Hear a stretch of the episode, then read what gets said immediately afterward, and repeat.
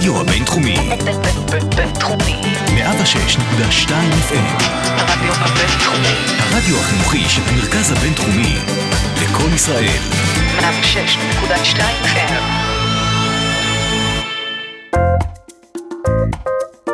השעה הבינתחומית. פודקאסט שמחדד את המוח. עם שי קלוט. צהריים טובים לכל המאזינים שלנו. אתם על הרדיו הבינתחומי 106.2 FM. תודה שהצטרפתם אלינו לעוד תוכנית של השעה הבינתחומית, רצועת האקדמיה של הרדיו הבינתחומי. אני שייקלוט, וכבכל שבוע נמצאת איתי כאן אחת מהחוקרות, כאן במרכז הבינתחומי.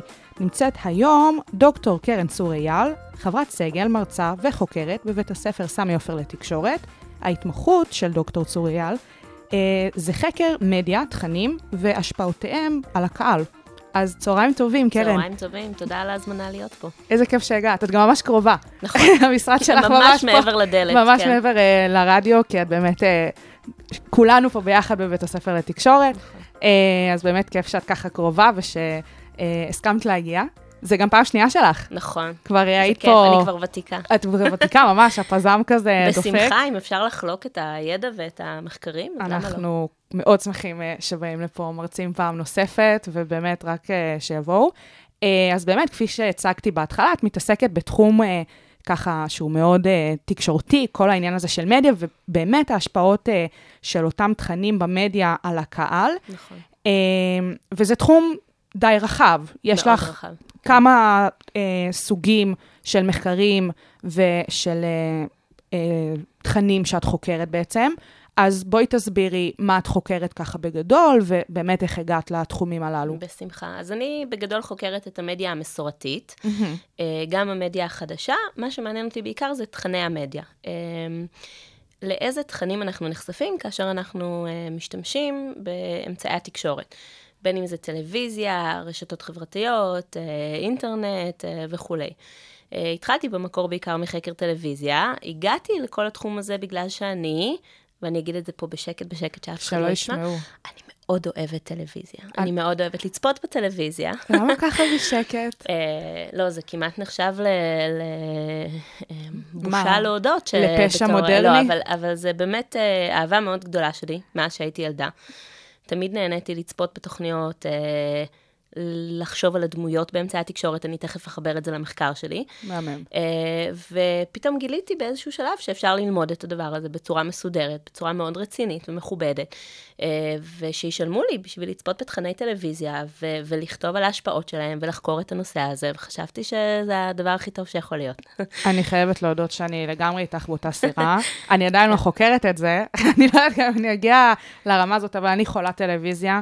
אני ממש, מגיל אפס אני זוכרת את עצמי בפוזיציה הזאת, שההורים שמים לי איזו קלטת, או סתם מה שרואים, וכל דבר אני רואה, ועד היום אני חולת טלוויזיה, פחות בקטע של מחשבים, פחות בקטע של טלפון, הרבה יותר טלוויזיה. כן. ואני חושבת שזה באמת מאוד נכון שאפשר ללמוד מהפלטפורמה הזאת הרבה דברים על החברה בהחלט. ועל אנשים, ולקחת את זה להמון המון תחומים, בהחלט. וזה אפשר ללמוד על החברה ואפשר ללמוד גם על עצמך. ממש. אה, כשאתה נחשף להרבה תכנים. ממש. ומה שהיה מאוד מעניין כשהתחלתי ללמוד את הנושא הזה בתור סטודנטית, אה, זה שגיליתי שבאמת יש לזה תפקיד מאוד חשוב בחיים של אה, הרבה אנשים, והשפעות מאוד משמעותיות על החיים של הרבה אנשים, בעיקר אנשים צעירים. וזה התחבר לאהבה גדולה שנייה שיש לי בחיים, שזה ילדים, ואנשים צעירים בכלל. אני חושבת שהם נפלאים ונהדרים וכיפים. ונורא עניין אותי להבין מה כל השעות האלה שהם מבלים מול המסך, או עם מסכים בכלל, אה, מה, מה המשמעות של זה עבורם בעצם, מה התפקיד של זה בחיים שלהם. טוב, וכך אז, אה, התחלתי לחקור את, ה, מ- את התחום הזה. מאוד מגניב שלקחת שתי אהבות שלך, והצלחת לשלב נכון. ביניהן. זה זכות- מאוד זו לא זכות מובן גדולה, מאליו. באמת. בכלל לא, נכון. אז זה כיף, אה, נכון. כיף גדול, וגם אה, המאמרים שלך, אה, לפחות אלה שאני קראתי, מאוד מעניינים. תודה. אה, אז באמת את מספרת שהתחלת מן הסתם העניין הזה של טלוויזיה, ועם הזמן התגלגלתם מדיות אחרות. זה מן הסתם קשור להתפתחות הטכנולוגית של בוודאי, המדיות. ה- ה- אמצעי התקשורת ש, שאנחנו נחשפים אליהם, שבכלל קיימים עבורנו ומשרתים אותנו בחיי היום-יום, בין אם אנחנו מבוגרים או ילדים, מאוד השתנו מאז שאני התחלתי לחקור את התחום, ואנחנו מתגלגלים עם הדבר הזה. אבל שוב, הפאשן, התשוקה הגדולה בעצם לתכנים, לעלילות האלה שאנחנו נחשפים אליהם, לדמויות, לאישיויות הללו באמצעי התקשורת. אה, זה בעצם מה שמנחה את המחקר שלי. מאוד מאוד מעניין אותי לדעת איך אנשים מתחברים לתכנים, מה הם לוקחים מהתכנים האלה, מה הם מביאים מעצמם לחשיפה שלהם לתכנים. Uh, בגלל זה אני חוקרת, uh, התחלתי את המחקרים שלי מתחום של uh, אלימות באמצעי התקשורת, שהיה תחום מאוד מאוד חם, הוא עדיין מאוד מעסיק הרבה חוקרים. בגלל שיש לו חשיבות ציבורית מאוד מאוד גדולה. האם אמצעי התקשורת יכולים להשפיע על אלימות בחברה באיזושהי רמה, בין אם זה בהתנהגות או במחשבות של האנשים, בעמדות שלהם וכולי. ומשם, בצורה די טבעית, התגלגלתי לחקור גם את הנושא של מיניות. בהמשך גם את הנושא של דימוי גוף. בקיצור, כל הצרות שאמצעי התקשורת. כל הצרות כן. הרעות.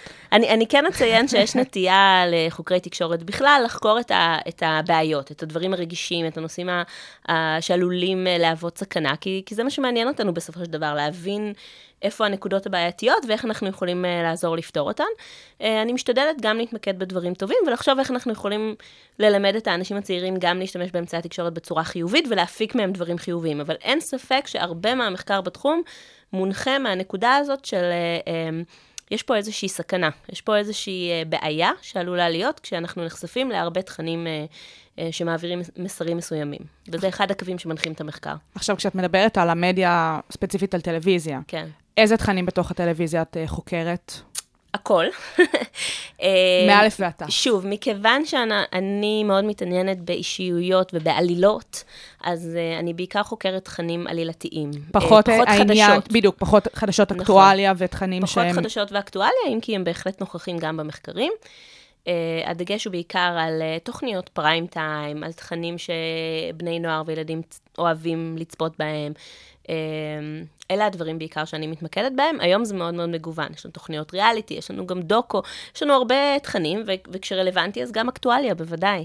ועם כל העניין הזה של סטרימינג, עכשיו יש את הנטפליקס ואמזון פריים נכון. וכדומה, אז איך אתם באמת עושים את הסיווג של אה, אופן, אה, הדרך שבה צורכים את המדיות וההשפעות שלהם? כן, אני לא אגיד שזה לא חשוב, יש לי תחום מחקר נוסף שהוא באמת עוסק ביחסים שהקהל מפתח מול דמויות באמצעי התקשורת. אה, אחד התחומים המעניינים זה היחסים הפארה-חברתיים. אנחנו בעצם מתייחסים לכל מיני אישיויות באמצעי התקשורת, כאילו הם חברים שלנו. אנחנו חושבים שהם חברים שלנו באיזשהו אופן, אנחנו מצפים לראות אותם, אנחנו אוהבים לשמוע אותם, אנחנו אפילו קצת מתגעגעים אליהם לפעמים אם הם לא נמצאים באותו רגע על המסך. אה, יש גם הזדהות עם דמויות באמצעי התקשורת, אה, רצון להידמות לאותן דמויות, הערצה של אישיויות בתקשורת. כל מערך היחסים הזה מאוד מאוד מעניין אותי.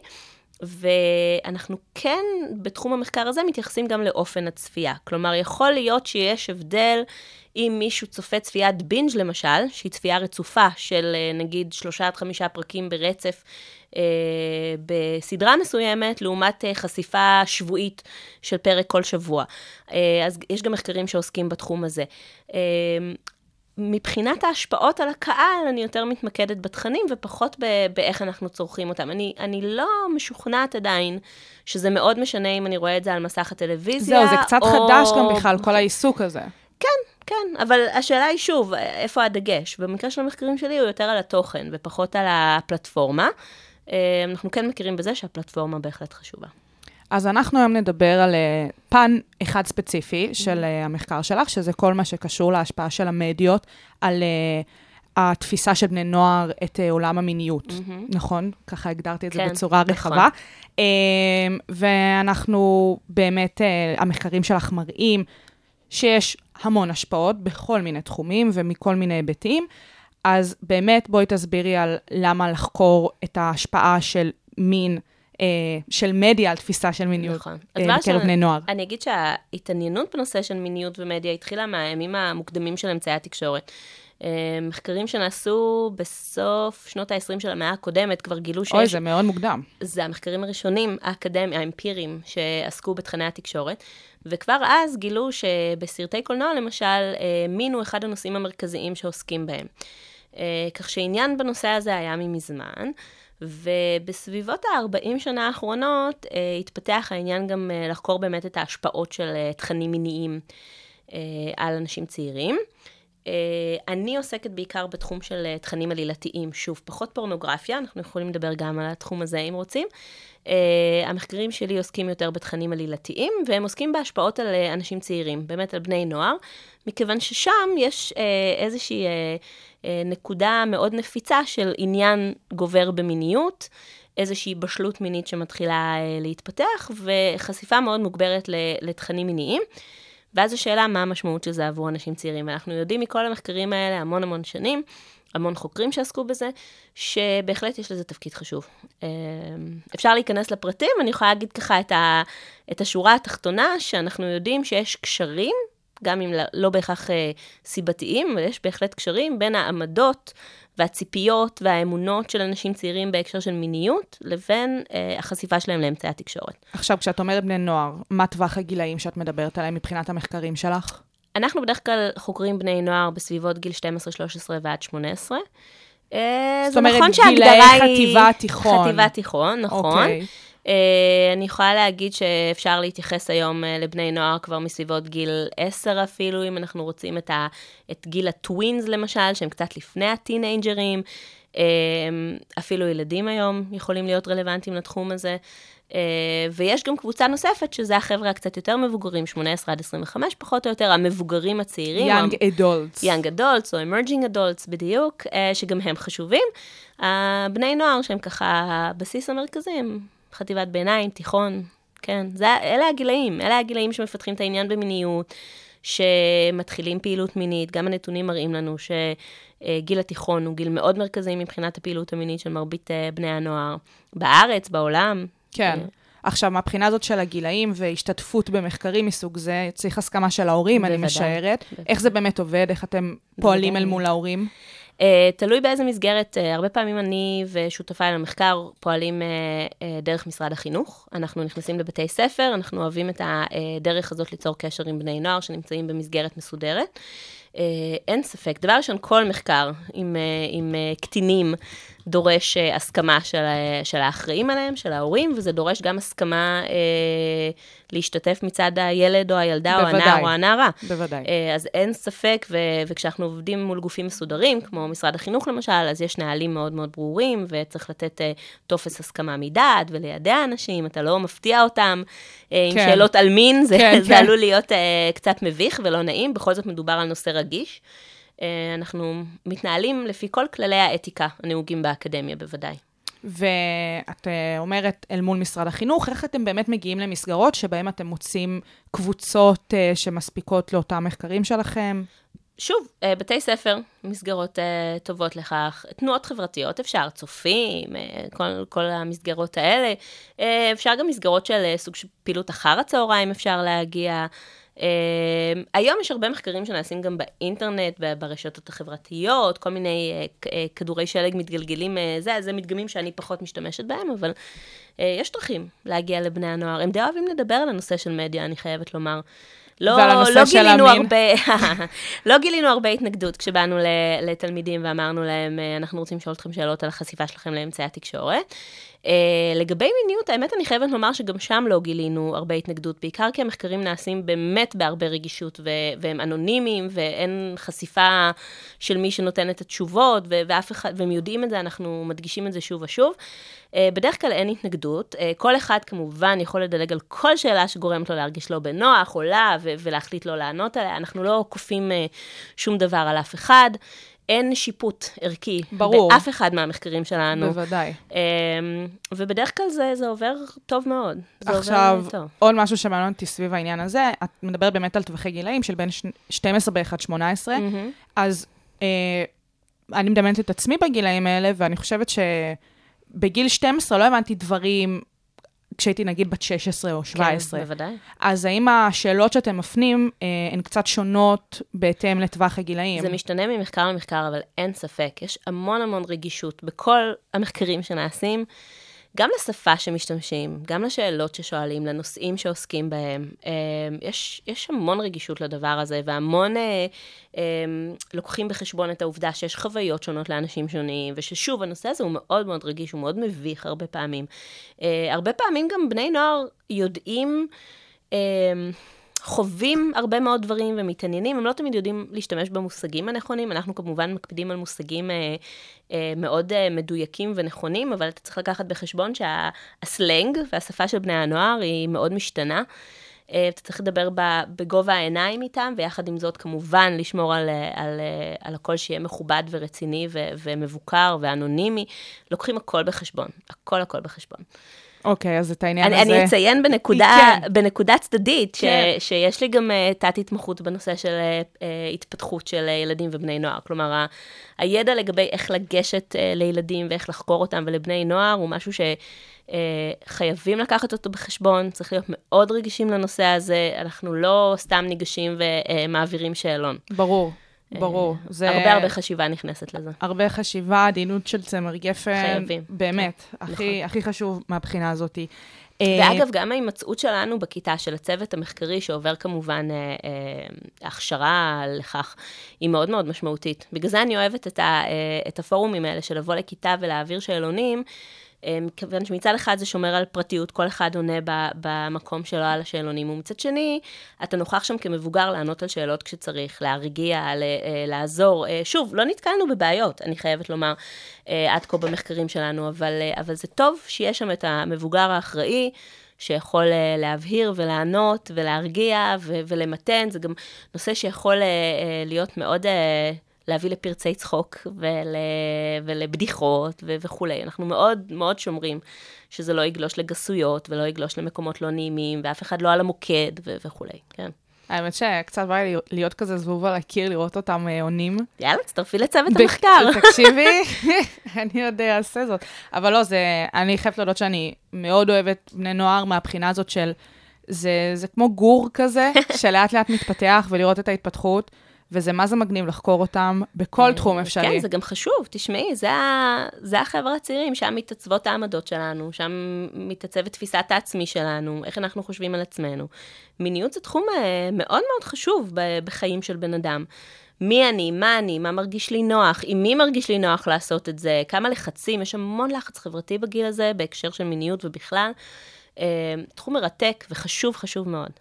אז אנחנו נתחיל ככה לדבר על uh, המחקרים, ובאמת מסקנות ודברים שחקרת במסגרת uh, השאלות הללו המאוד מאוד מעניינות. אז באמת uh, אחת השאלות שאתם uh, בוחנים, זה את העניין הזה של... Uh, רגע, שנייה, נמצא את זה. נמצא את זה. דקה. סבבה. אתם uh, בודקים, ב- באחד מהמחקרים שלך, בדקת את העניין של uh, איך בני נוער תופסים את ההתנהגות המינית בהתאם למגדר של הדמויות המוצגות. נכון. למה זה בעצם משנה? מגדר זה מאוד uh, חשוב בהקשר של מיניות, מכיוון ש... Uh, עזבי רגע אפילו את החיים האמיתיים, שיש לנו המון uh, ברור. uh, סטריאוטיפיזציה ודאבל סטנדרט, כמו שאנחנו קוראים לו במחקרים. Uh, אמצעי התקשורת רבועים בהבדלים בין המגדרים בהקשר של מיניות. Uh, איך שמיניות מוצגת לדמויות נשיות ולדמויות גבריות, זה, זה עולם אחר לגמרי. אמצעי התקשורת, התכנים העלילתיים בטלוויזיה בעיקר רבועים בסטריאוטיפיזציה, uh, דברים מאוד לא פשוטים. למשל, איזושהי אמונה שבנים וגברים לא יכולים לשלוט בעצמם. הם, they, they can't help themselves. זה boys will be boys, הם כאלה. Uh, והמסר המקביל של זה, המשלים של זה, זה שמי שבעצם אחראי, או אחראית במקרה הזה, על הבריאות המינית, ובאמת לשמור על זה שמיניות תתקיים בצורה מכובדת ומסודרת ובבריאה, היא בעצם האישה, או הטינג'רית, בת הנוער. וזה שם המון המון אחריות, מטיל המון אחריות על הנערות הצעירות, על הנשים הצעירות. אנחנו יודעים, זה, זה קצת common sense במקרה הזה, אבל נשים שמתנהגות במיניות מאוד פתוחה, או שחוות התנהגות מינית מאוד אה, משוחררת, נתפסות בחברה בצורה מסוימת, וגבר שמתנהג באותה צורה נתפס בצורה אחרת לגמרי. יש המון סטריאוטיפיזציה, זה מאוד מאוד משמעותי, ואנחנו יודעים שיש הבדלים אה, מובהקים בין איך שנשים וגברים מוצגים באמצעי התקשורת, ולכן גם חשוב לקחת את זה בחשבון כשחושבים על פני הנוער. עכשיו, אנחנו גם יודעים שבתכנים עצמם, כן, הדמויות האלה מבחינה מגדרית עוברת איזושהי אבולוציה או שינוי. זאת אומרת, בעבר נשים באמת נכנסו לאיזשהו טייטל מאוד מאוד מסוים, כמובן גם גברים, והיום כן מנסים לשנות את זה גם על רקע אה, תנועות מיתוג כאלה ואחרות, וגם פשוט התפיסות החברתיות, את העניין המגדרי. אתם רואים את זה גם במחקרים שלכם, איך בני הנוער באמת אה, חווים את, אותן, אה, את אותם מסרים? אה, אנחנו רואים איך בני נוער חווים את המסרים. אה, אני חושבת שצריך איזשהו מחקר עדכני, באמת איזשהו ניתוח תוכן עדכני של התכנים עכשיו, כדי לבדוק אם באמת התזה הזאת של אה, היה המון המון שינוי באיך שגברים ונשים מוצגים בתקשורת, האם זה באמת נכון, או שזה רק נתפס כשינוי כזה. הרבה פעמים שינויים חברתיים לוקח להם הרבה מאוד זמן עד שהם מוצאים את דרכם לתוך תכנים עלילתיים. תכנים עלילתיים מאוד מאוד נוסח, נוסחתיים. מאוד מאוד חוזרים על עצמם, אנחנו לא רוצים להפתיע את הקהל שלנו בסך הכל, אנחנו רוצים אה, להבטיח שיהיה רייטינג גבוה ושהקהל יוכל להתחבר לתכנים, אז משתמשים בנוסחאות קיימות. אני חושבת שהשינוי החברתי, לוקח לו קצת זמן לחלחל לתוך התכנים. אז זה משהו שיבוא עם הזמן. ואני חושבת שיש הרבה מורכבות באיך שהמגדרים אה, השונים, המינים השונים מוצגים היום בתקשורת. אה, יכול להיות שיש קצת יותר שחרור של נשים בהקשר של מיניות, אבל הממצאים למשל על האחריות המינית שמוטלת על נשים, אני לא בטוחה שאנחנו ראינו הרבה מאוד שינוי בהקשר הזה, וסטריאוטיפיזציה מאוד קיימת עדיין אה, בתכנים. בכל מה שקשור לעניין של אה, אה, עולם הלהט"ב, נקרא לזה ככה, אה, זה כמובן נושאים שבעבר כמעט ולא דוברו, והיום הם כן אה, קצת נכון. יותר עולים, אז מבחינת באמת איך חוקרים את זה גם אל מול בני הנוער, איך זה עובד? אתם נגיד הולכים למשל לאיגי, או מקומות כאלה, שגם אני לא באמת אתם ערכתי- אה, יכולים למצוא חבר'ה כן, שבני אני נוער? אישית לא ערכתי מחקרים אה, שהתמקדו ספציפית באוריינטציה המינית של בני נוער. אה, זה פחות היה מהמשתנים ש, שהיו מרכזיים במחקרים שלי. המחקרים האלה בהחלט, בהחלט נעשים. יש גם תכנים, אה, ניתוחי תוכן שעוסקים בזה, זאת אומרת, לנסות לנתח את התכנים שמציגים את הקהילה הלהט"בית, ו, אה, וגם, לא רק אלה שמציגים, אלא אלה שהם פופולריים בקרב הקהילה, כן. ולראות איך, אה, איך הדברים מוצגים. אה, וכן, בהחלט יש אפשרות לפנות, שוב אמרתי, לכל מיני ארגונים, מוסדות, אה, לנסות להגיע כאשר אתה מנסה לבודד איזושהי קבוצה, או להגיע לקבוצה הזאת בהקשר מחקרי. יש כל מיני דרכים אה, להגיע, בהחלט. אז באמת בכל מה שקשור למגדר, את אומרת שחד משמעית כל מה שקשור לסטריאוטיפים קיימים בחברה, זה משהו שאתם רואים במסגרת מסקנות המחקר שלכם. רואים הרבה הממצאים. סטריאוטיפיזציה, כן. אה, אחד ה... זה- לא מחקר שלי, אבל מחקרים שנעשו על אה, תוכניות אה, מציאות למשל, שמציגות נשים, סליחה, בנות נוער בהיריון, או כאלה שנהפכו לאימא בגיל הנעורים. אה, היו המון אה, תוכניות בזמנו. אה, ב-MTV בעיקר. נכון, Teen Mom ו-16 and Pregnant, שהיו מאוד מאוד פופולריות. הן היו בין התוכניות הפופולריות ביותר בקרב הקהל הנשי. ואנחנו רואים אפילו בתוכניות האלה, שכביכול הגיעו מתוך מטרה להציג את הקשיים שכרוכים בהיריון בגיל הנעורים וכולי, אפילו הם הציגו, הציגו סטריאוטיפיזציה מאוד מאוד גבוהה של התחום. ודברים שהם לאו דווקא אה, נכונים מול המציאות. כלומר, אה, למשל, שהם המעיטו את הסכנה שכרוכה אה, לסיים תיכון, למשל, להמשיך בלימודים. הם הראו הרבה יותר את הנטייה של זוגות צעירים להישאר ביחד, למרות שבעולם האמיתי הדברים האלה פחות קורים. נכון. אה, הרבה פעמים הזוגות האלה הם נפרדים, מאוד צעירים. אה, אז, אז יש סטריאוטיפ, סטריאוטיפיזציה מאוד חזקה, אין ספק. גם העניין ספציפית בתכנים מסוג זה, שעם כל הכבוד לזה שזה תוכניות מציאות, מדובר שם על עריכה נכון, מאוד מאוד מסיבית, נכון. ובדרך כלל בני נוער לא מבינים את זה. נכון, לא רק בני נוער. אגב, יש גם כמה מבוגרים נכון. שזה לא ברור להם. אה, אין ספק, זה נקרא תוכניות מציאות, אפילו יותר מזה, אני חושבת שחלק מהתוכניות האלה הגדירו את עצמן כדוקו. בדיוק. אה, יש שם עריכה מאוד משמעותית, יש שם... אגב, דווקא בתוכ... בתוכניות האלה, כמעט אין אזכור של יחסי מין למשל, שזה מעניין, כי הן נכנסו להיריון. לא ו- הגיעה חסידה. אבל אה, כן, כן, זה תכנים מעניינים למחקר, אין ספק. היום יש עדיין תכנים כאלה? אני, אני ממש זוכרת שהיה אותם כשאני הייתי באמת כן, בגילאים האלה. הייתה תקופה שהן היו תוכניות מאוד מאוד מאוד פופולריות, יש הכל מהכל. הכל מהכל עדיין. כן. זה רק הולך ונהיה גרוע יותר. אה, זה נהיה אולי- מגוון יותר, בהחלט מעניין. זה, זה יש- קטע. יש מה לחקור. יש מה לחקור, וזה בהחלט אה, מטורף העניין הזה. אה, השפעות של אה, תכנים אה, עלילתיים באמת, איזה דוגמאות ככה אז כך, משמעותיות? כשממש מדברים על השפעה על מיניות, אין ספק שאחד המשתנים הכי משמעותיים ש- שמעניינים את כולם, בעיקר בהקשר של בריאות הציבור, זה אם יש קשר בין חשיפה לתכנים אה, עלילתיים בתקשורת, לבין אה, הריון בגיל הנעורים, למשל. זה ככה ה, ה, כאילו התוצאה הסופית. כן. אז אנחנו יודעים שכן, שיש קשר. שוב, לא ברור שזה קשר סיבתי בהכרח, אבל הקשר הזה ה- בין ה- הגורמים האלה הוא, הוא משמעותי והוא קיים. אבל יש הרבה לפני כן. זאת אומרת, אנחנו בהחלט יודעים שככל שנחשפים יותר לתכנים מיניים, באותן תוכניות עלילתיות, ואגב, יש המון תכנים מיניים. זאת אומרת, אנחנו מדברים כבר לפני עשור, למעלה מ-80% מהתוכניות אה, אה, בטלוויזיה כללו תוכן מיני גם כלשהו. מה זה תוכן מיני? מדובר פה על או, סקאלה פה בעצם. את, אה, פה את נכנסת לעולם ומלואו בפני עצמו, אני רק רגע אדבר על. ההשפעות. ש, שבהחלט אנחנו יודעים שהחשיפה לכמות גדולה יותר של תכנים, יש לה השפעות על ציפיות, למשל, מתי מקיימים יחסי מין בקשר, איזה סוג של יחסי מין, יחסי מין זה דבר, התנהגות מינית היא דבר מאוד, אה, היא קשת מאוד רחבה של התנהגויות. אה, איזה סוג של התנהגות מינית צפויה בקשר, באיזה שלב של הקשר, האם זה קורה בדייט ראשון, בדייט שני, אחרי החתונה, אה, מתי זה קורה הדבר הזה. כל זה קשור אה, לחשיפה שלנו לאמצעי התקשורת. אנחנו יודעים שהעמדות של בני נוער, כמה הם פתוחים ליחסי מין אה, מחוץ למסגרת מונוגמית, אה, גם קשורים לחשיפה שלהם לאמצעי התקשורת. אה, אנחנו יודעים שהחרטה שלהם על קיום יחסי מין קשורה בחשיפה לאמצעי התקשורת. אנחנו יודעים למשל שאצל אה, בחורים צעירים, ככל שהם נחשפים יותר לאמצעי התקשורת, הם יותר uh, מביעים חרטה או אכזבה וואלה. מהפעם הראשונה שהם קיימו יחסי מין. כן, טוב, בואי uh, נודה בעובדות. Uh, להרבה אנשים, הפעם הראשונה שהם מקיימים יחסי מין, לא בהכרח נראית כמו באמצעי התקשורת, לפחות בדיוק. לא כמו בתכנים האלה, בדיוק. מאוד מנסים אה, לצייר את זה כאיזה משהו כזה קסום אידיאלי, ורומנטי. ונקי, ועדין, ואת יודעת, עם נרות ו- ושירים מסביב, כן. ופרפרים. ועל בנים זה משפיע. אה, גם על בנים, זה משפיע גם על בנות בצורות אה, אה, מעט אחרות, אבל כן, אין ספק, האכזבה קיימת. אז, אה, אז יש קשרים מאוד מורכבים בחשיפה הזאת לאמצעי התקשורת.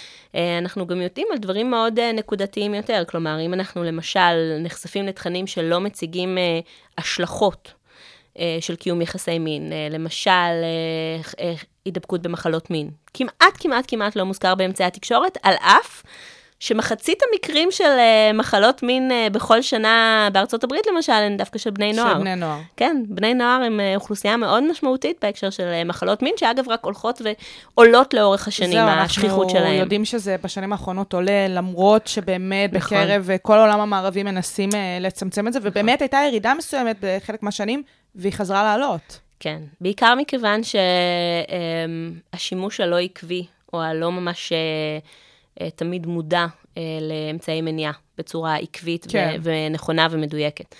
אה, אז כן, האספקט הזה של בריאות מינית הוא מאוד מאוד חשוב. הוא קשור באופן אה, ברור לחשיפה לאמצעי התקשורת. אנחנו יודעים שיש המון המון תכנים של מיניות באמצעי התקשורת, הרבה פחות על בריאות מינית. הרבה פחות על זה. אה, כלומר, אם גם אם בריאות- אנחנו רוצים לחשוב על אמצעי התקשורת או על טלוויזיה אפילו כאיזשהו גורם שיכול לחנך או ללמד, כי בסך הכל מין הוא נושא נהדר. נכון. אה, שלא לכתוב כמו עליו אלימות, עלילות. לדוגמה. אלימות זה נושא אחר, הוא אגב לא ייכחד מהעולם כל כך מהר. כן. אבל uh, מין זה נושא שמושך אנשים ומעניין ומאתגר, ואפשר לכתוב עלילות נהדרות על הנושא הזה ולמשוך את הקהל, והכל טוב ויפה. Uh, וזה נהדר. לא הייתי רוצה להיות בעולם שאין בו תכנים uh, מיניים בכלל, או, או איזה שהם סיפורים שכרוכים בזה. השאלה אם אפשר לעשות את זה בצורה שהיא גם אחראית באיזשהו אופן, מתייחסת לבריאות מינית, מציגה את ההשלכות הבריאותיות של קיום יחסי מין, מכירה בכך שבכלל יש השפעות מיניות, אה, השפעות בריאותיות ליחסי מין. אה, את זה אנחנו רואים הרבה פחות, בצורה הרבה פחות מסודרת. אבל אני כן רוצה להגיד, שכאשר יש תכנים שעוסקים בבריאות מינית בתוכניות טלוויזיה, הם יכולים לעשות השפעה נהדרת את יכולה לתת לנו דוגמאות? כן, יש דוגמאות מאוד מוקדמות של, ה, של הנושא הזה, למשל בפרקים של הסדרה האנטומיה של גריי, אוקיי. כבר מלפני עשור, שפעלו באופן מאוד מוגדר על מנת לשלב תכנים בריאותיים בתוך, ה, אה, בתוך הסדרה. הפרקים שלהם. נכון. כן. ויש פרק אחד ספציפי שעסק ב- בסוגיה של העברת נגיף ה-HIV מהאם אה, הערה לעובר בבטנה, ברחמה. והם מאוד רצו אה, לשנות את התפיסות של הקהל, כך שהדבר הזה הוא מאוד מאוד בעייתי. כלומר, שיש אפשרות לטפל בדבר הזה אם, אה, אם אה, משתמשים, ב, אה, נמצאים בפיקוח תרופתי הדוק, אה, אפשר מאוד לצמצם את הסכנה הזאת. והם ממש בנו פרק שלם סביב הנושא הזה. והם בנו את העלילה הספציפית הזאת סביב אה, הרופאה איזי סטיבנס בזמנו, שהייתה בסדרה, והם בנו עלילה שלמה, תת-עלילה שלמה, שעסקה בנושא הזה. ומכיוון שהיה מדובר בפרק שהונדס כביכול במיוחד, הם יכלו לעשות מחקר. הם שאלו אנשים, מדגם מייצג של אה, מבוגרים במקרה הזה, מספר שבועות לפני התוכנית, מה עמדותיהם בנושא, מה הידע שלהם בנושא, שאלו אותם שוב כשבוע אחרי הצפייה בפרק, ושוב מספר חודשים מאוחר יותר. והם מצאו שינוי משמעותי ומובהק ברמת הידע של אנשים וואו. על הנושא, ב- וגם בעמדות של אנשים. היה הרבה פחות פחד, הרבה יותר קבלה של הפתיחות לנושא הזה. אה, וזה היה ההשפעה של הפרק, של הצפייה בפרק פרק הזה, בודד. וזה גם נמשך לאורך זמן. אמנם ההשפעה קצת פחתה אחרי מספר שבועות, אבל עדיין היה, היה שם, היה שם הבדל משמעותי. ו, וזה מראה לנו שיש פוטנציאל אדיר לתכנים האלה. Uh, תחשבי שפרק, הפרק הספציפי הזה נצפה בערב הראשון שהוא עלה לאוויר על ידי 17.2 מיליון אמריקאים. יואו. זה כמות לא נורמלית של זה אנשים. מטורף לגמרי. נכון. לגמרי. וברגע שהם הלבישו את הסיפור הזה על דמות מאוד מרכזית בתוכנית, שהקהל אוהב אותה ומזדהה איתה ו- וחושב עליה, אז זה עוד יותר מעצים את הפוטנציאל ללמוד. כי אנחנו נקשרים אל הדמות הזאת, אנחנו רוצים לראות מה היא חווה ומה היא חושבת. וההשפעה הייתה דרמטית ומשמעותית, ו- וזה מאוד אה, נותן תקווה. אה, על אף שזה לא פשוט, זה לא פשוט לשלב תכנים בריאותיים. ברור, זה באמת, כפי שאת מספרת, החלטה מודעת של אה, יוצרי הסדרה, נכון. באמת להכניס את התכנים האלה בצורה שתשפיע. שזה שתשפיע, וגם מדהים. תוך כדי לא תהרוס את כל הכיף של לצפות בסדרת טלוויזיה. בוודאי, כי בסופו של דבר, באים. אנחנו באים ליהנות, בדיוק. אנחנו לא באים בשביל שמישהו אה, יסביר לנו נכון. וילמד אותנו בצורה פדגוגית את הנושא הזה. אנחנו באים בשביל ליהנות, להירגע. אה, בסוף היום, ככה קצת לא לחשוב על הקשיים בחיים. נכון. אה, בגלל זה אני אומרת, זה לא פשוט לשלב את התכנים האלה בעלילה. אבל כאשר זה נעשה, כאשר זה נעשה- בצורה טובה ואחראית ובדוקה, וככה יש להם ליווי, הם יודעים שהנתונים שהם מציגים הם נתונים נכונים, ההשפעה יכולה להיות נהדרת. עכשיו, את ציינת את העניין הזה של כמה חשוב להזדהות עם הדמות כן. שמעבירה את המסר. ב- בתכנים העלילתיים. אה, גם בזה נגעת בחלק מהמחקרים נכון. שלך. אה, תוכלי להרחיב על העניין הזה באמת? כן, אני מאוד מאוד אוהבת את, ה, את הנקודה הזאת של הקשרים שאנחנו יוצרים עם הדמויות, כי אנחנו חושבים, אני חושבת שהאישיויות האלה באמצעי התקשורת הן מאוד משמעותיות עבורנו. הן לא מחליפות עבור רובנו שום קשר בעולם האמיתי, אבל הן מלוות אותנו ככה לאורך החיים לצד כל הקשרים האמיתיים שלנו. אמ, אנחנו אוהבים את הדמויות באמצעי התקשורת, אנחנו רוצים לראות אותם משבוע לשבוע, אנחנו רוצים לראות איך הם מתפתחים, מעניין אותנו מה קורה בחיים שלהם. אמ, וככל שאנחנו קשורים יותר לדמויות האלה בכל מיני צורות, אז גם ההשפעות של הדמויות האלה על הקהל יכולות להיות יותר גדולות. אנחנו יותר נקשיב ונלמד מדמות שאנחנו מזדהים איתה ואוהבים אותה, אה, מאשר מדמות שאנחנו פחות מתחברים אליה, כמו בעולם האמיתי. חד משמעית. זה, זה הגיוני מה שאת אומרת, ומבחינת באמת אה, איך זה בא לידי ביטוי בפועל, כשאנחנו מסתכלים אה, יותר באמת על אה, בני נוער, אז אנחנו רואים שיש איזושהי, איזשהו חיבור יותר גדול באמת אה, להם עם דמויות מאשר עם אנשים בוגרים, למשל, או שלאו דווקא, או שזה באמת, אם הם רואים בן נוער בסדרה, אז הם יתחברו אליו יותר, או...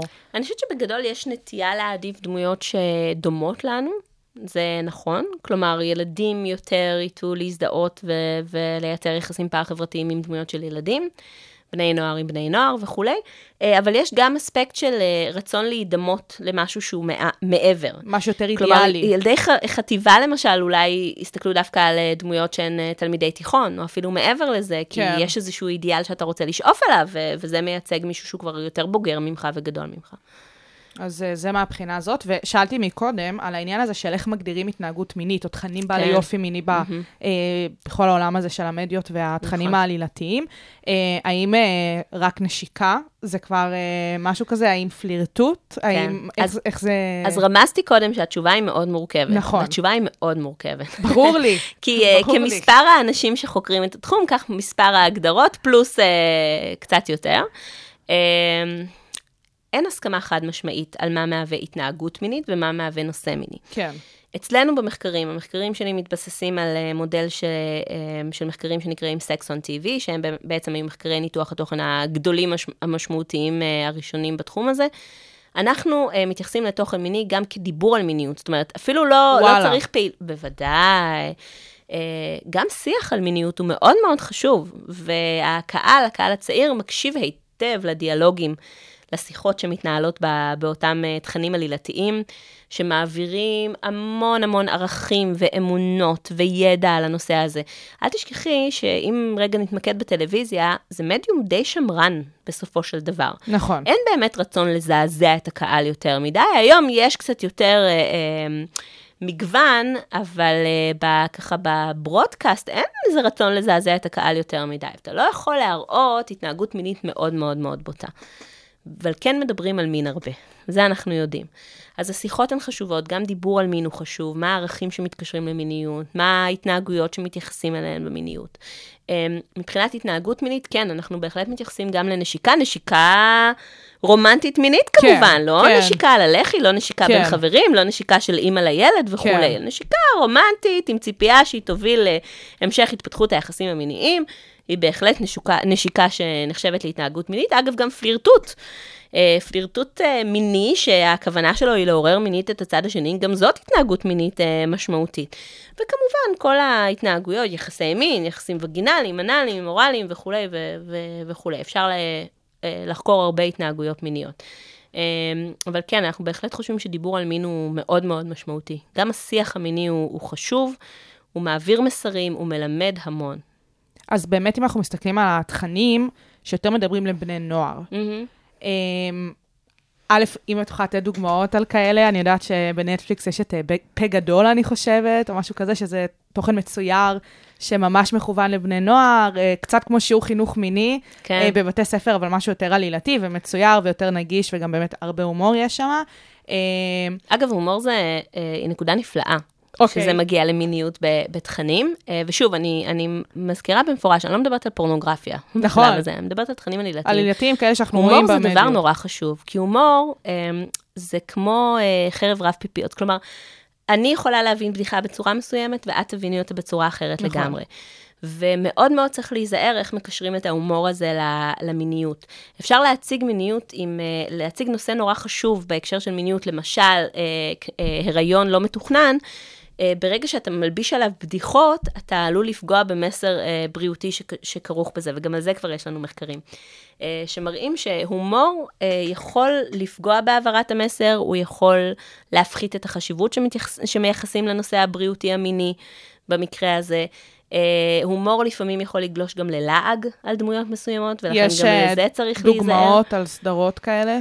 תראי, אחד המחקרים הקלאסיים והיפים לדעתי התייחס לפרק של הסדרה חברים. כן. אה, חברים חגיגה עכשיו לדעתי 25 שנים ממש אה, לפרק בשבועות הזה, זה, זה רלוונטי האחרונים. מתמיד, חוץ מזה שאי אפשר להתחמק מזה, זה עולה בכל, אה, בכל הערוצים, בכל השעות. סדרה עדיין רלוונטית, אבל אה, אה, בזמנו היה פרק אה, לפני, וואו, כבר 15 שנים אני חושבת. אני לא מ... אני לא... לא, אני גם לא ממחנה סיינפלד, אבל. לא. אני לא ממחנה שניהם. אני שווייץ. אז רק, אז אני אספר לך שחברים הייתה אחת הסדרות הכי פופולריות בקרב בני נוער, ועד היום מציינים אותה כסדרה מאוד מאוד אהובה, ובהמון מחקרים שעשינו וביקשנו מבני נוער ומסטודנטים לציין מי הדמויות האהובות עליהם בטלוויזיה, זה תמיד היה איזה שהן דמויות מחברים. סדרה מאוד מאוד משמעותית. והם שילבו פרק אה, באחת העונות על אה, רעיון לא מתוכנן בין רוס ורייצ'ל, דמויות מאוד מרכזיות. אל תגזים, את הדברים האלה אני אה, יודעת. את זה את יודעת, נהדר. וכשרייצ'ל באה לספר לרוס שהיא בהיריון ממנו, אז הוא אומר לה, רגע, אבל איך זה יכול להיות? אנחנו השתמשנו בקונדום. אז היא אומרת לו, נכון, אבל הקונדום אפקטיבי רק 97% מהזמן. ורוס נכנס לסרטים, מה זאת אומרת? למה זה לא כתוב? אז היא אומרת לו, זה דווקא כן כתוב, ואז הוא נורא מתעצבן, ויש סיטואציה קומית מאוד מאוד מצחיקה סביב הדבר הזה. בהמשך הוא הולך לחברים שלו, ג'וי ופיבי, ומספר להם את זה, ו... והוא אומר, כן, אנחנו השתמשנו בקונדום, ואז ג'וי מזועזע ואומר, מה זאת אומרת? ומה, אז קונדומים אפקטיביים רק בשלושה אחוז מהמקרים? ורוס אומר כן, ואז ג'וי שולף מהכיס אה, חבילה גדולה מאוד של קונדומים ומסתכל לראות האם באמת הם כוללים את האינפורמציה הזאת. סיטואציות, סצנות מצחיקות מאוד, באמת סצנות מוצלחות מאוד, ג'וי, מי שמכיר אותו ועוקב אחרי הסדרה, יודע מה עלילות, עלילותיו בתחום המיניות. אה, סצנות מאוד מאוד מצחיקות. אז רגע, אז קונדומים, הם כן או לא אפקטיביים? זהו, מה המסר פה בעצם? כלומר, צפינו בפרק הזה, ראינו את הסצנות האלו, שמענו שהדמויות משתמשות באמצעי מניעה, הן משתמשות בקונדומים. קונדומים אפקטיביים 97% מהזמן, זה לא צחוק. אבל בעצם זה לא ממש אפקטיבי. בדיוק. כי רייצ'ל נכנסה להיריון. ומאוד מחנכים להשתמש כן לא? בקונדום. אז כן או לא? אז כן להשתמש או לא להשתמש בקונדום? זה כן אפקטיבי או לא אפקטיבי? וואו, איזה מסר מבלבל. ולבני נוער זה היה מאוד מבלבל לצפות בזה. תגידי, מישהו שאל את התסריטאים למה הם התכוונו? או שכל מה שעניין אני אותם זה לא באמת יודעת, העניין אני של לא ההומור? יודעת אם מישהו במקרה הזה שאל את התסריטאים, אני זה די... לא כמו באנטומיה של גריי שהייתה. להם כוונה ממשית להעביר אמ, מסרים. אני לא חושבת במקרה הזה, כי המסר הוא מאוד מבלבל. עכשיו, זה בעיה, כי אה, אה, חברים מסדרה קומית, היא מצחיקה. נכון, הם לא אמורים לעשות שום דבר הם כביכול. גם לא מנסים לחנך, נכון, זה, לא, נכון. זה לא הייעוד שלהם, זה לא המנדט שלהם. אה, אבל היא סדרה מאוד משפיעה, והמסר היה מבלבל מאוד. אה, בני הנוער בהחלט שינו את עמדתם בהקשר של מיניות, אבל זה עבד לשני הצדדים. זאת אומרת, היו כאלה שחשבו שקונדומים פחות אפקטיביים ממה שהם חשבו קודם, ויש כאלה שחשבו שהם יותר. זה נורא מבלבל. חוץ מזה שכל הנושא הזה של אה, אחוזים הוא מבלבל בגין הנעורים. זה נכון. גיל שרק, זה גיל שרק מתחילים להבין בו את הנושא של אחוזים. אז רגע, שלושה אחוזים. זה הרבה או לא הרבה? כי לטינג'רית שנכנסה עכשיו להיריון, שלושה אחוזים זה כל העולם. נכון, זה מאה אחוז. נכון. זה הכל. אמ, אבל זה עדיין 3 אחוז, ו-97 אחוז מהזמן אתה כן מוגן. זה נורא מבלבל. אז אנחנו... וההומור הוא, הוא, הוא ממש מסובך במקרים האלה. וואו, זה, זה נשמע לי כאילו ספציפית פה, וגם זה רשום במחקר והכל, זה, זה באמת נראה לי, איך יוצאים מזה? זה מלכוד כזה, שוואו. בואי נגיד שמי שכותב את התסריטים האלה, צריך להיות עם המון אה, מודעות ו... ויכולת לכתוב עלילות מרתקות ומצחיקות ומעניינות ומאתגרות ונכונות ומדויקות מדעית ואחראיות. זה המון. זה המון. יש פה הרבה אחריות, כמו שאת אומרת, ובאמת, אם אה, מאזינים לנו חבר'ה שכותבים תסריטים לעתיד, ואולי שיגעו בתכנים שכאלה, תראי, אני מלמדת. אני מלמדת הרבה סטודנטים כאלה ב, ב, בבית הספר כן. פה, ואני מקווה שהם לוקחים את זה קצת לתשומת ליבם, באמת, את גם. המסר הזה. ככה לשים גם. לב לדברים שאתם יוצרים ועושים. לא, באמת, כי וואלה, לכו תדעו מה, מה ייגרם נכון. מאותם תכנים. ולהיות יצירתיים, זה, זה גם תמיד חשוב. כיף, זה תמיד כיף. והומור זה סבבה, הומור זה אחלה. הומור זה נהדר, חס וחלילה פה. שלא נמגר את זה מהתוכניות שלנו. אז uh, חוץ מהומור, אנחנו יודעים שיש גם uh, תכנים uh, פחות נעימים, שמראים uh, במסגרת המדיות, אם דיברנו באמת מקודם על העניין של חינוך מיני וכל העניין של uh, נגיף ה-HIV וכדומה, אבל יש תכנים נוספים שבעצם מועברים uh, דרך המדיות. Uh, אז באמת, איזה עוד דוגמאות את יכולה לתת לנו? אין לך עוד דוגמאות? לא, לא הבנתי את ה- את אה, השאלה בדיוק. כאילו אם אנחנו דיברנו על הומור, ואם דיברנו על uh, HIV וכאלה, אז אולי יש עוד דוגמאות uh, עכשיו, כמו נגיד הטרדות מיניות, או אפשר באמת, לדבר על אה, הטרדות מיניות. אה, באמת העניין של פעם ראשונה וכל מיני כאלה, על איך זה עובר, ואיך אה, בני נוער אה, באמת חווים את זה. כן. דוגמאות כמובן לתכנים. אה, דבר ראשון, הנושא הזה של פעם ראשונה. הוא נושא שמאוד מעניין, הוא בוודאי בוודאי מעניין בני נוער, מכיוון שאין ספק שזה הגיל שבו אה, חלק גדול מהם, רובם אפילו יחוו את הפעם הראשונה שלהם עם התנהגות מינית כלשהי. אה, איך הדבר הזה מועבר באמצעי התקשורת זה מאוד משמעותי. אה, מיניות זה נושא מאוד אה, אישי, וציינתי כבר, זה עלול להיות מביך וזה מאוד פרטי. רובנו לא מדברים עם ההורים שלנו בחופשיות על הנושא של מיניות, אנחנו גם, וזה די טוב אני מניחה, לא רואים הרבה התנהגות מינית בחיי היום-יום שלנו ככה מסביבנו בעולם כשאנחנו מסתובבים, כי זה נושא שנעש... התנהגות שנעשית מאחורי דלתיים סגורות. אז מאיפה אנחנו יודעים? נכון. איך אנחנו יודעים? מה קורה? איך זה קורה? איך זה מתבצע? מתי זה מתבצע? אמ, אפילו ברמה של דייטים, עוד לפני המיניות, איך אנחנו יודעים? אני שואלת את הסטודנטים שלי הרבה פעמים, איך אתם יודעים מה קורה בדייט? איך דייט מסתיים? מה, איך מתנהל הדבר הזה? אין ספק שאמצעי התקשורת מהבחינה הזאת זה חלון לעולם מרתק ומעניין שנותן לנו המון המון מידע. ולכן גם על הפעם הראשונה הזאת, שוואו, כמה חרדות וכמה פחדים וכמה אה, התעסקות עם הנושא הזה יש, אה, אמצעי התקשורת הם חלון נהדר לזה. אה, אז באמת חשוב להסתכל על איך הם מציגים את הנושא הזה של הפעם הראשונה, ו... ו... יש לך דוגמאות בולטות ככה שבאמת... אה, תראי, אני פה מדור אחר. אני מהדור של בברלי הילס 90-210, אבל הגרסה א', הראשונית בדיוק. והמקורית. א', לא כבר ה- יש שתי גרסאות אחרות, כן. וגם אה, אני חושבת שזה משהו באמת מיתולוגי. סליחה, בואי- מה זה פרנדס, כאילו? זה לא כבר אנטיקה. וואו. בברלי זה אפילו יותר, זה אני יותר. חושבת, קצת יותר.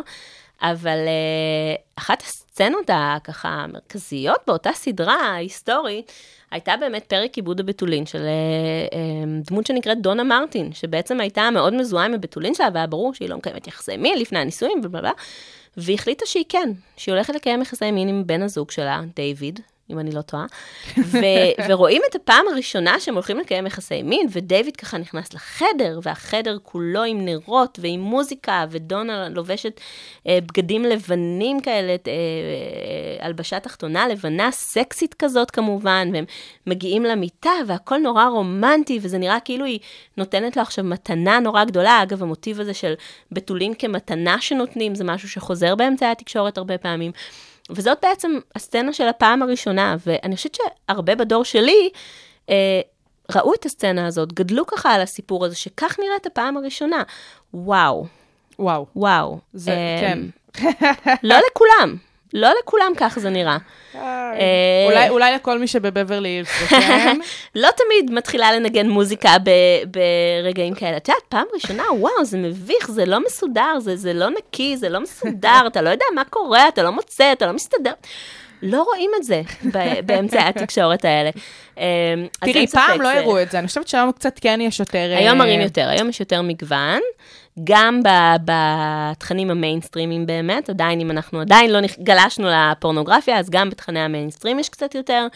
Uh, המגוון הזה הוא חשוב, זה חשוב, זה חשוב לראות שיש כל מיני סוגים של מפגשים וכל מיני uh, דברים שאפשר לעשות סביב הנושא הזה של עיבוד הבתולין, מאוד מאוד uh, משמעותי. אני חושבת שגם uh, הסברת מקודם על הבנים שהושפעו מאותן uh, פעמים ראשונות שהם ראו כן. במדיות, וזה זה באמת מטורף לראות את ההשפעות האלה, בכל אספקט. Uh, כן, אני חושבת שזה מאוד משמעותי להרבה אנשים. אני חושבת שהרבה אנשים משתמשים בזה כאיזה שהם מודלים לחיקוי, איזה שהם מודלים לשאוף אליהם. Uh, יש לזה תפקיד חשוב. ואם אנחנו מדברות באמת על כל מה שקשור לתכנים יותר, אה, אה, לאו דווקא התכנים, אבל המסרים היותר רלוונטיים, אז דברים שקשורים להטרדות מיניות. כן, זה תוכן מאוד מאוד חשוב. זה נושא שנחקר יותר בשנים האחרונות. באמת ההשפעה של uh, אמצעי התקשורת, על, גם על תפיסות וגם על uh, אמונות וגם עמדות uh, בהקשר של uh, הטרדה מינית, והחל מהטרד עד אונס ו- כן, ו- התנהגות וכולי, מינית לא ראויה, ואלימות וכן. כלפי נשים וכולי, זה, זה נושאים שנחקרים בשנים האחרונות uh, די הרבה. Um, יש תכנים בתקשורת שעוסקים uh, במיינסטרים, גם שעוסקים בנושאים האלה. Uh, אנחנו יודעים שיש קשר גם פה, בהקשר של uh, קבלה. שוב, יש הרבה סטריאוטיפיזציה, um, יש הרבה uh, קידום, לא יודעת אם קידום, אבל יש הרבה הצגה באמצעי התקשורת של משהו שנקרא מיתוס האונס, למשל. כן. מיתוס האונס מתייחס לכך שאנחנו נוטים לחשוב לפעמים שהקורבן בעצם אחראי כן, למה שקרה. האשמת הקורבן. אה, she asked for it, או היא לא אמרה לו, בדרך כלל זה נשים, היא לא אמרה לו חזק מספיק, או ברור מספיק, היא התלבשה בצורה מסוימת. דברים ש, שלא מצדיקים ולא מסבירים ולא, ולא אה, מאפשרים לנו לסלוח להטרדה מינית ו, ולהתנהגות מינית אלימה כלפי נשים. אבל המיתוס הזה מסתובב באמצעי התקשורת. והוא מוצג הרבה פעמים באמצעי התקשורת, גם בסרטים וגם בתוכניות טלוויזיה. יש לך דוגמה טובה ודוגמה רעה? זאת אומרת, אחת שבאמת משמרת את מיתוס האונס, ואחת שלמשל כבר באמת מתמודדת עם הסיפור הזה בצורה יותר טובה? אני יכולה להגיד שהסדרות באופן כללי שמתמודדות בצורה קצת יותר טובה עם מיתוס האונס, זה סדרות אה, אה, דווקא הקריים דרמה למש... כל למיניהן. החוק וסדר, מעט ו-CSI יותר, וכאלה? כי שם בכל זאת יש אלמנטים של אה, אה, חקיקה ו... ו הליך החקירה וכל מה שקשור. כן, כנגד מי שפשע. אה, וזה מתייחס בצורה קצת יותר טובה. אה, אבל מבחינת אה, אה, תכנים שמעודדים את מיתוס האונס, הרבה, הרבה מאוד. אגב, גם בקליפים של מוזיקה וכולי, זה קיים הרבה מאוד לצערי. וואי, אפילו לא אה, חשבתי על קליפים. גם, גם בחדשות, בוודאי, מוזיקה זה, מוזיקה זה מוטיב מאוד חשוב בחיים של אנשים צעירים, והיום יש לנו דרכים להיחשף לזה, גם uh, קליפים שחזרו אלינו דרך יוטיוב נכון. וכל מיני דברים כאלה, וזה מאוד מאוד משמעותי. וואי, נכון, כן. נכון, נכון, מגניב. התחלת להגיד משהו על העניין של חדשות וחשיפה של... גם אה, בחדשות, אמרתי קודם, אני פחות חוקרת את התכנים החדשותיים, אבל אין ספק שההצגה שם של אה, כל הנושא של הטרדות ומיתוס האונס, אה, אה, הרבה פעמים אה, מאוד בעייתי, הרבה פעמים יש את האשמת הקורבן אה, ו- ואי נקיטת אה, צעדים ברורים כנגד מי שהתנהג בצורה שהיא לא בסדר וכולי, וזה משמעותי מאוד, זה חשוב. מה מבחינת המחקרים שלך היה הממצא שהכי הופתעת לגלות בנוגע באמת להשפעה? וואו. התקלת אותי. את יכולה לקחת לך רגע. את יכולה לקחת לך רגע, כי זה נראה לי מה זה מגניב לדעת כזה משהו שכאילו את כזה מביאה שהוא...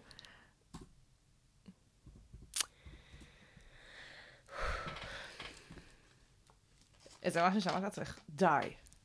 וואלה.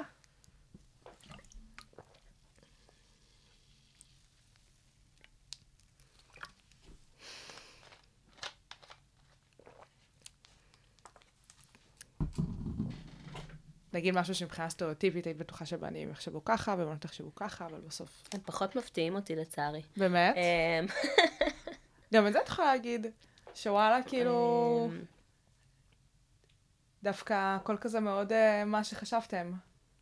ההשערות שלכם די אה, אוששו.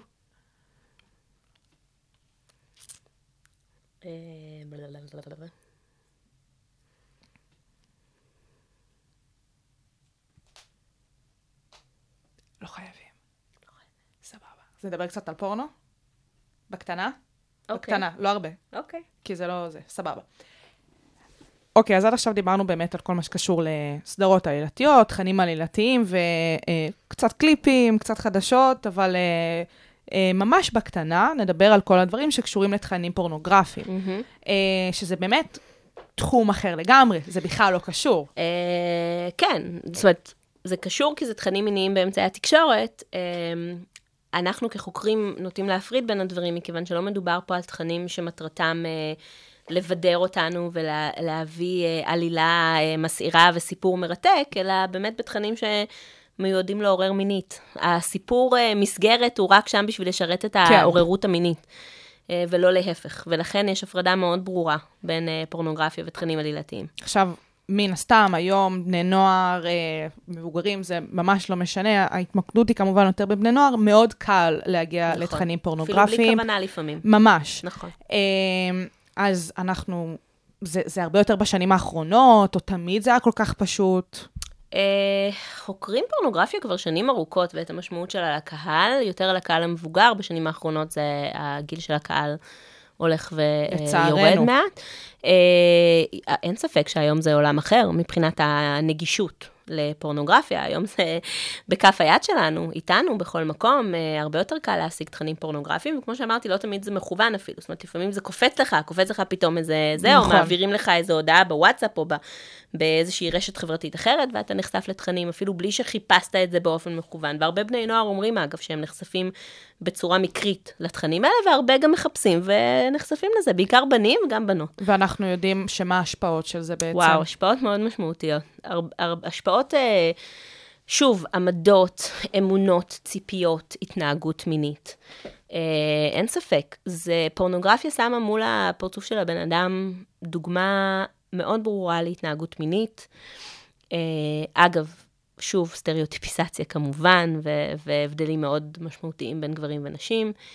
אה, מודלים שהם לא מציאותיים בהכרח, או, או לא אה, ריאליים, או אין להם איזשהו הקשר כלשהו, גם פורנוגרפיה, פורנוגרפיה אין לה הקשר, כי הסיפור נכון. שם, שוב, הוא לא, הוא לא חשוב.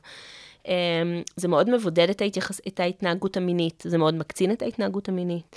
כמה אה, אחוזים אה, בני הנוער צופים בפורנוגרפיה בדרך זו או אחרת? אני חושבת שרבים, אני חושבת שרבים, אני לא יודעת לצטט לך את האחוזים המדויקים, רבים, אה, וזה קורה בגילאים צעירים יותר ויותר. עכשיו, אני שואלת, אה, כי זה באמת מעניין אותי, העניין הוא באמת למנוע מבני נוער לצפות בתכנים האלה נקודה, או להסביר להם שמה שהם רואים זה פייק לחלוטין?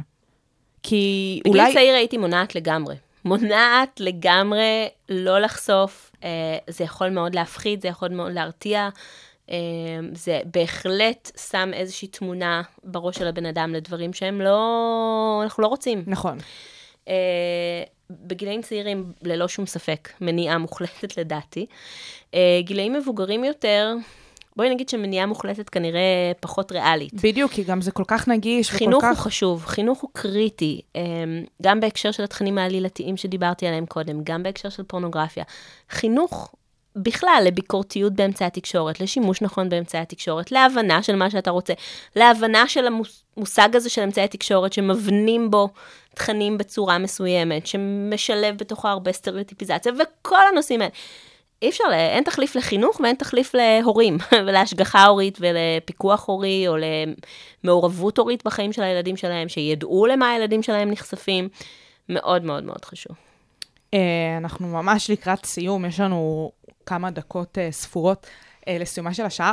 אה, יש ככה תכנים שמבחינתך זה תכנים שהם סוג של must לראות, אה, שמדברים ככה על מיניות, או, או פרקים... בהקשר של מיניות? כן, או פרקים ספציפיים מסדרות, או סרטים שאת חושבת שכדאי לראות את זה, גם בקטע של אולי... אה, לא לא. הייתי רוצה להיכנס להמלצות. אה, לא. לא.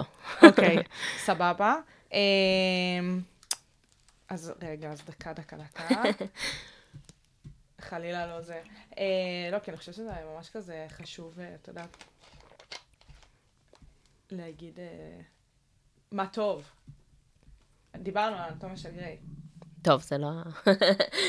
לא זו הסדרה היחידה בעולם. ברור, ולא כל הפרקים. ברור. הרוב שם זה בכלל לא קשור ל... טוב, בסדר. אה, רגע, רגע, רגע.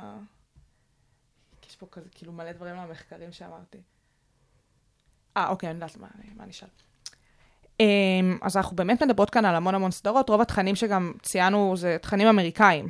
מהמם. אז האם יש באמת השפעה למדינה, לבן אדם ממדינה מסוימת, זאת אומרת, הבדלים תרבותיים, אנתרופולוגיים, שמשפיעים על תפיסה של מיניות? בהחלט יכול להיות. אה, תרבות זה דבר מאוד מאוד חשוב. אם דיברנו קודם על ההומור, אז הומור הוא מאוד תלוי תרבות למשל. אה, גם התנהגות מינית היא תלוית תרבות. אה, כרגע בין ישראל הברית, אני לא בטוחה שההבדלים הם אה, מאוד גדולים, גם מבחינת התכנים, הרבה מהתכנים שאנחנו נחשפים אליהם הם תכנים שמגיעים מארצות הקהל מכיר את התכנים האמריקאים, כך שזה מאוד רלוונטי לו. יכול להיות באיזשהו אופן שטינאייג'ר ישראלי יזדהה יותר עם טינאייג'ר ישראלי בתכנים המקומיים. אין ספק שיצירה מקומית איכותית היא חשובה מאוד במובן הזה, זה יכול להוביל אה, לתוצאות חיוביות. אה, אבל אני לא בטוחה שההבדלים התרבותיים בתכנים המיינסטרים הם באמת אה, גדולים מאוד. את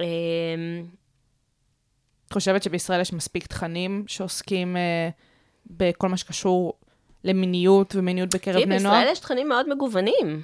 אני מאוד אוהבתי טלוויזיה ישראלית, אפרופו, אם דיברנו קודם על זה כן. שאני לא בפרנדס ולא בסיינפלד, טלוויזיה ישראלית אני מאוד מאוד אוהבת, אבל אני באמת חושבת על זה בתור... אה, אה, כשהייתי באמת בגילי בני נוער, אה, אם זה חטיבת תיכון, איזה תכנים אני ראיתי, ואני לא חושבת שכל כך מדברים על מין בתכנים בישראל, בכלל, או, כאילו... מדברים על מין, בהחלט. הדבר המרכזי, אם אני חושבת על הפריים טיים, אז יכול להיות ששם יש איזשהו הבדל, כי הפריים טיים הישראלי כבר שנים רבות מאוד אה, משופע בתוכניות אה, מציאות, ששם נכון. הנטייה היא פחות לתוכן מיני. זה נכון. נכון, את זה אנחנו יודעים מהמחקרים שלנו. אבל אה, אני לא בטוחה שבאופן אה, גורף אפשר להגיד שאין אה, תכנים מיניים. אנחנו עשינו מחקרים על זה גם, ואנחנו יודעים שיש תכנים מיניים גם בערוצים הישראלים, בתכנים המקוריים. אה, ואני חושבת ש... שהם חשובים ומשמעותיים, ואני חושבת שגם פה, כמו בארצות הברית, לשלב את התכנים הבריאותיים יותר, לדבר על הנושא, להשתמש בדמויות של בני נוער. הייתה לפני כמה שנים, אה, היה ניסיון לסדרה שנקראת המתבגרים, אם אני לא טועה. נכון, בערוץ הילדים. נכון, לדבר העבירו על עליה מיניות בין כאילו השאר. הרבה מאוד ביקורת. כן.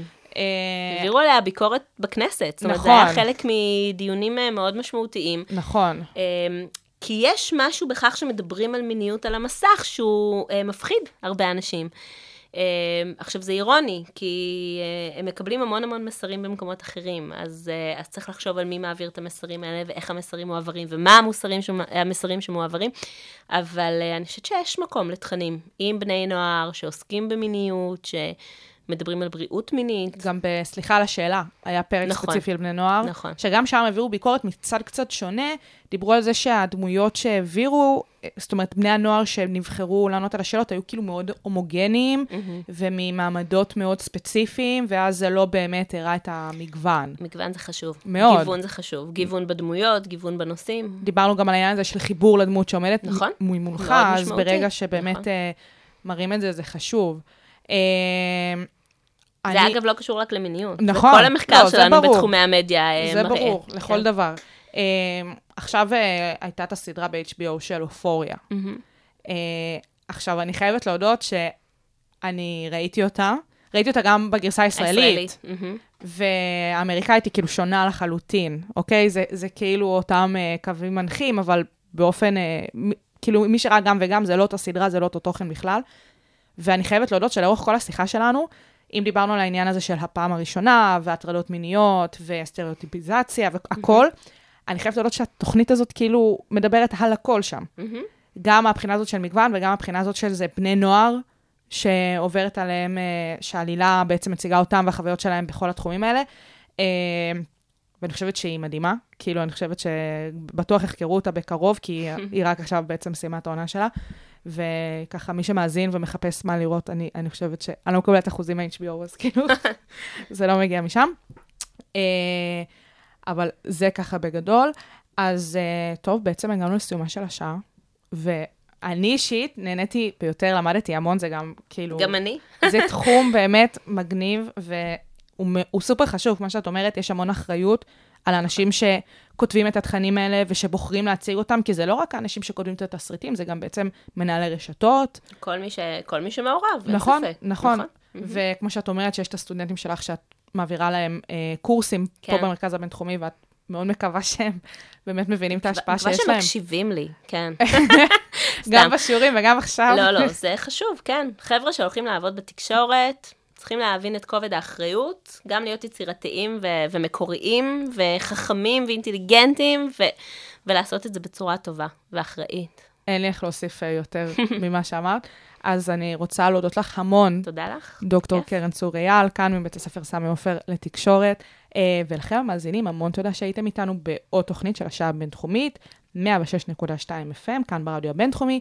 אני שי קלוט, נתראה בשבוע הבא, שהמשך יום מהמם.